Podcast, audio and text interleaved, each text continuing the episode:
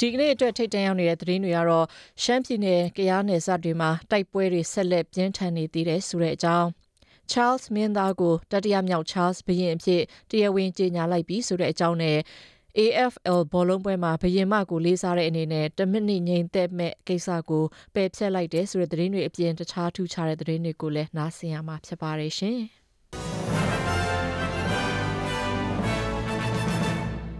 ဗြိတိန်တော်ဝင်မင်းသား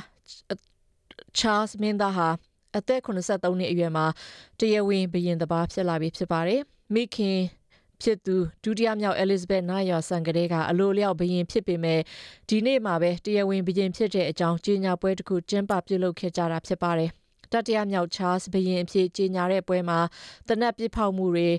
ကြေညာချက်တွေကိုဗြိတိန်တခွင်မှာပြုလုပ်ခဲ့ကြပါတယ်။ ဩစတြေးလျနိုင်ငံကလည်းမနက်ဖြန်မနေ့ကျရင်တော့ဘရင်ဖြစ်တဲ့အကြောင်းကြေညာတဲ့အခမ်းအနားတရကိုပြုလုပ်မှာဖြစ်ပါတယ်။မြောက်ကိုရီးယားကကာကွယ်ရေးအတွက်နျူကလ িয়ার လက်နက်အသုံးပြုမှုလုပ်သွားမယ်လို့တရားဝင်ပြောဆိုလိုက်ပါတယ်။ Kim Jong Un ရဲ့ကြေညာချက်ကိုအမေရိကန်ပြင်သစ်တရုတ်နဲ့ရုရှားတို့ကလည်းချက်ချင်းတုံ့ပြန်မှုလုပ်လာကြပြီးကုလသမဂ္ဂကတော့အဲ့ဒီလိုပြောဆိုမှုတွေအပေါ်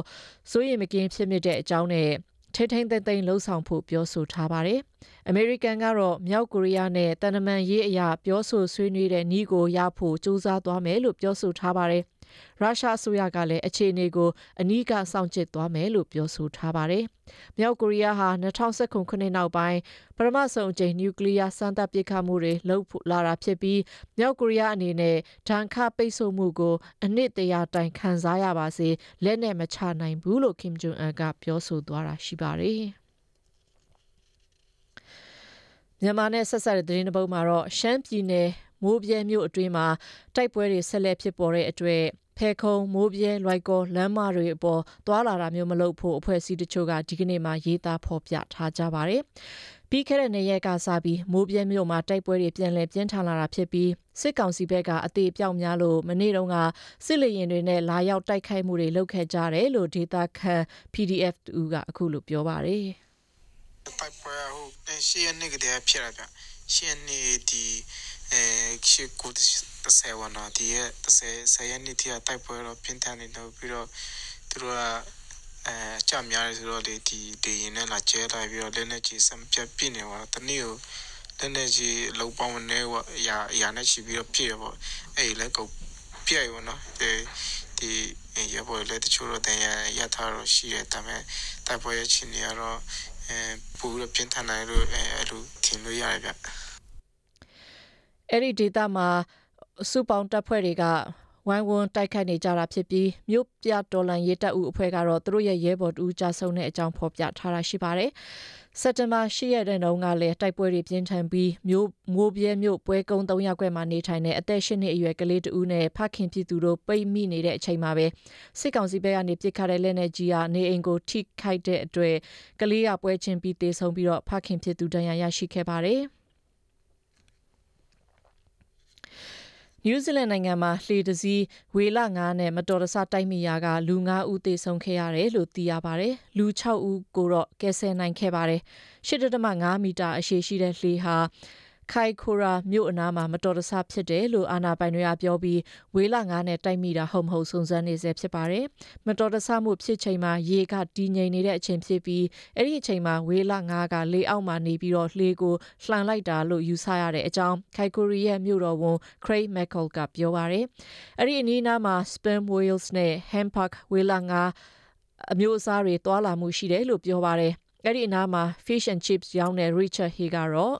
They're big animals. They're the biggest animals on the planet. So if they move the wrong way, could, anything could happen. Or it gets scared or it breached or anything. Eh? Yeah, so there's so many scenarios what could have happened. ဝေလာငါးတွေကကြီးပါတယ်ကမ္ဘာအကြီးဆုံးတတ္တဝါဖြစ်ပါတယ်အဲ့ဒီတော့ဝေလာငါးကသာလမ်းကြောင်းမှာပြီးဥတီလာမယ်ဆိုရင်ဘာမဆိုဖြစ်လာနိုင်တာပါပဲသူတို့ကြောက်ရတာမျိုးတွေဖြစ်နိုင်တယ်လို့ဟို တခြားအရာကြောင့်လည်းဖြစ်နိုင်ပါတယ်အဲ့တော့ဒီလိုမျိုးဒီအချိန်မှာပြောဖို့ကဟိုစောနေသေးတယ်လို့ပြောဆိုခဲ့ပါတယ်ဟောင်ကောင်က speech therapist 5ဦးဟာကလေးငယ်စာအုပ်တွေကိုထုတ်ဝေတဲ့အခါမှာသွေးထိုးလှုပ်ဆော်မှုတွေပါဝင်နေဆိုပြီးတော့အာနာပိုင်တွေက1019လချမှတ်လိုက်ပါတယ်အဲ့ဒီပညာရှင်၅ဦးဟာကလေးစာအုပ်ကိုထုတ်ဝေရမှာသိုးနဲ့ဝံပလွေအကြောင်းကိုထည့်ရေးထားတာဖြစ်ပါတယ်။ သိုးတွေကဝံပလွေကိုပြန်ချနေတာမျိုးပြန်အခါနေတာမျိုးပါဝင်ပြီးအဲ့ဒါကိုအာဏာပိုင်တွေကဒီမိုကရေစီလိုလားလူတွေလိုလားတဲ့လူတွေကအစိုးရကိုဆန့်ကျင်ဆန္ဒပြတာမျိုးကိုတွဲဝိုက်ပြီးရေးထားတာလို့ယူဆပြီးအရေးယူထားတာလို့လူအခွင့်အရေးလှုပ်ရှားသူတွေကပြောပါတယ်။တရားသူကြီးကဒီလိုစာအုပ်တွေဟာကလေးငယ်တွေရဲ့စိတ်ကိုဖျက်ဆီးနိုင်တယ်လို့ပြောဆိုခဲ့ပါတယ်။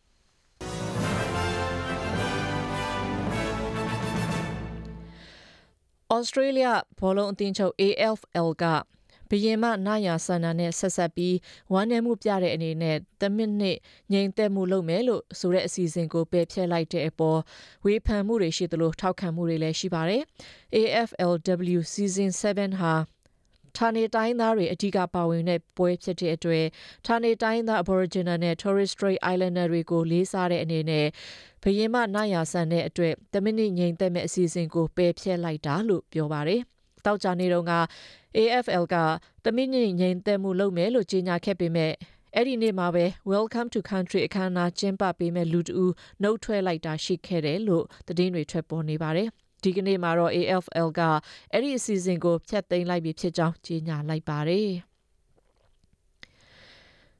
တချိန်ထဲမှာပဲ AFL လောကမှာအမြင့်ဆုံးစုပေးပွဲတစ်ခုဖြစ်တဲ့ Brown Low Medal အခမ်းအနားကိုဘယင်မတကြိုမဲ့ရဲ့နဲ့မတိုက်အောင်တရက်ရွှေ့ရက်ရွှေ့ပြီးတော့ကျင်းပသွားမှာဖြစ်ပါတယ်။ အရင်တုန်းကအဲ့ဒီအခမ်းအနားကိုစက်တင်ဘာလ19ရက်ကျရင် Melbourne မြို့က Crown Casino မှာပြုလုပ်ဖို့ရည်ရွယ်ပေမဲ့လည်းဘယင်မကိုလေးစားမှုပြတဲ့အနေနဲ့ရှစ်တပတ်မှရှစ်တရက်မှတိုးလိုက်တာဖြစ်ပါတယ်။ဘရင်မကိုဘယ်နေ့မှတကြိုမလဲဆိုတာသေချာမသိရသေးပေမဲ့စက်တင်ဘာလ19ရက်နေ့ဖြစ်နိုင်ချေများနေတဲ့အတွက်ဖြစ်ပါတယ်။ Brown Lomero ကိုပုံမှန်အားဖြင့်တနင်္လာညမှာကျင်းပလေးရှိပေမဲ့ AFL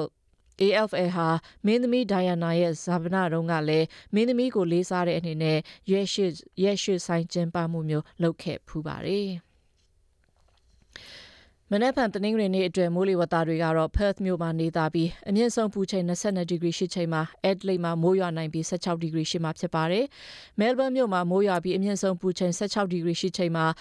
Hobart မြို့မှာလည်းမိုးရွာပြီး73ဒီဂရီရှိမှာဖြစ်ပါတယ်။ ကင်မရာမြို့မှာနေသားပြီးအမြင့်ဆုံးပူချိန်15ဒီဂရီရှိချိန်မှာစစ်ဒနီမြို့မှာလည်းနေသားပြီးတော့23ဒီဂရီရှိမှာဖြစ်ပါတယ်။ Brisbane မြို့မှာနေသားပြီး25ဒီဂရီရှိချိန်မှာဒါဝင်းမြို့မှာမိုးရွာနိုင်ပြီးတော့အမြင့်ဆုံးပူချိန်32ဒီဂရီရှိမှာဖြစ်ပါတယ်ရှင်